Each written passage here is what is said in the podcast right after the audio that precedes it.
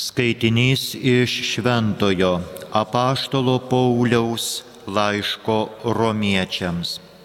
Broliai, niekam nebūkite ką nors skolingi, išskyrus tarpusavio meilę, nes kas myli, tas įvykdo įstatymą.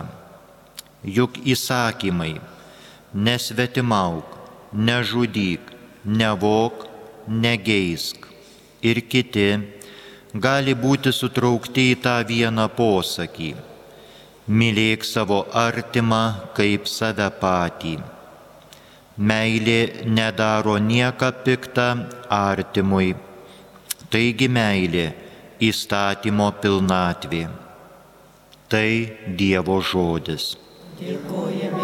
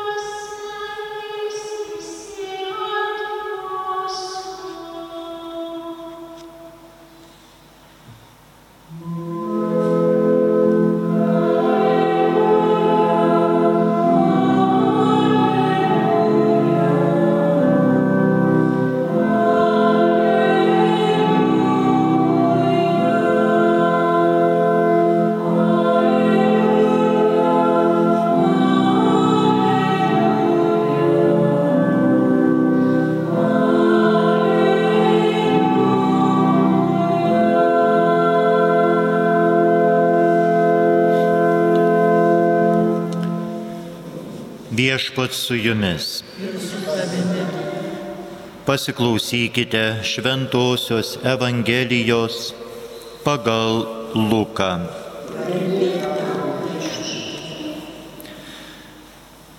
Kartu su Jėzumi ėjo gausios minios. Atsigręžęs jis tarė žmonėms. Jei kas ateina pas mane, bet nebrangina manęs labiau už savo tėvą, motiną, žmoną, vaikus, brolius, seseris ir netgi savo gyvybę, negali būti mano mokinys.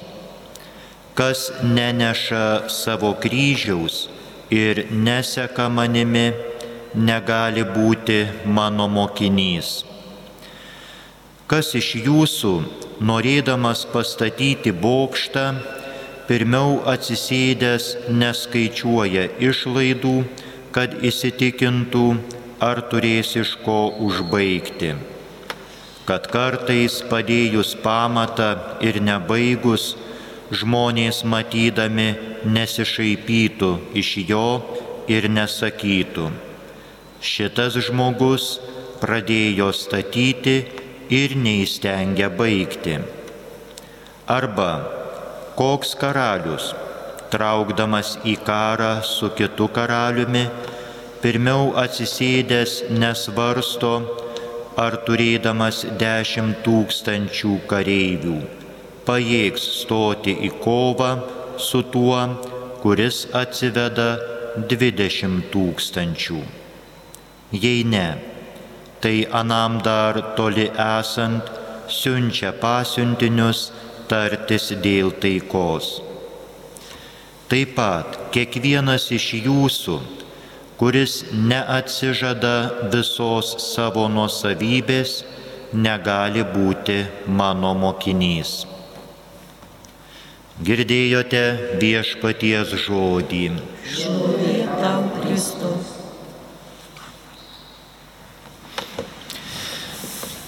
Tad šiandien eilinį kartą girdime Jėzaus žodžiuose tam tikrą prieštaravimą, paradoksą, kai jo klausydamiesi ir priimdami žodį galime tai priimti darydami arba radikales, tiesmukiškas išvadas, O gal vis dėlto galime nuosaikiau vertinti Kristaus pamokymus. Nors Evangelijoje perskaitytas žodis nėra vientisas Kristaus tekstas, tai labiau atskirų min minčių eilutės sulibdytos į vieną seką. Tačiau jomis evangelistas siekia parodyti tikrojo Kristaus mokinio vertę. Vedama kryptis. Norint mylėti, reikia nekesti. Norint priimti, reikia atsisakyti. Norint pradėti, reikia įvertinti. Įvertinti ką? Galimybės savo pajėgumus. Ar siektinas tikslas netaps nepakeliama našta? Jeigu tikslas yra būti Kristaus mokiniu, sekti juo, įsiklausykime, ko Jėzus reikalauja iš savo sekėjų. Jei kas ateina pas mane, ir nelaiko neapykantoje savo tėvo, motinos, žmonos, vaikų, brolių, seserų ir net savo gyvybės, negali būti mano mokinys. Tikslui būti mokiniu prieš pastatoma šeima, giminystė ir netgi gyvybė. Iš pirmo žvilgsnio tai nuskamba kaip baisus nuosprendis. Reikalaujama išsižadėti savo giminystės šaknų. O pats Kristus, ar jis irgi išsižadėjo motinos Marijos ar globėjo Juozapo? Lyg ir ne, šitokio radikalumo mes nematome. Tad pasiaiškinkime iš kitos pusės. Klausimas. Gyvenime kokius tikslus žmonės savo išsikelia, vardan ko jie gyvena. Vardan šeimos, vardan vaikų, vardan asmeninės karjeros, asmeninio gerbuvio. Vargsta, stengiasi, kaupia, kažko siekia. Nes be tikslo nėra ir gyvenimo. Jei žmogus neatranda tikėjimo Dievu, tai jo gyvenimo tikslas vis tiek į kažką nukreiptas. Kai kalbame apie tikslą, čia Kristus ir duoda mums ultimatumą. Būti su Dievu štai didžiausias tikslas. Vadinasi, visi kiti mūsų tikslai nebetenka prasmės.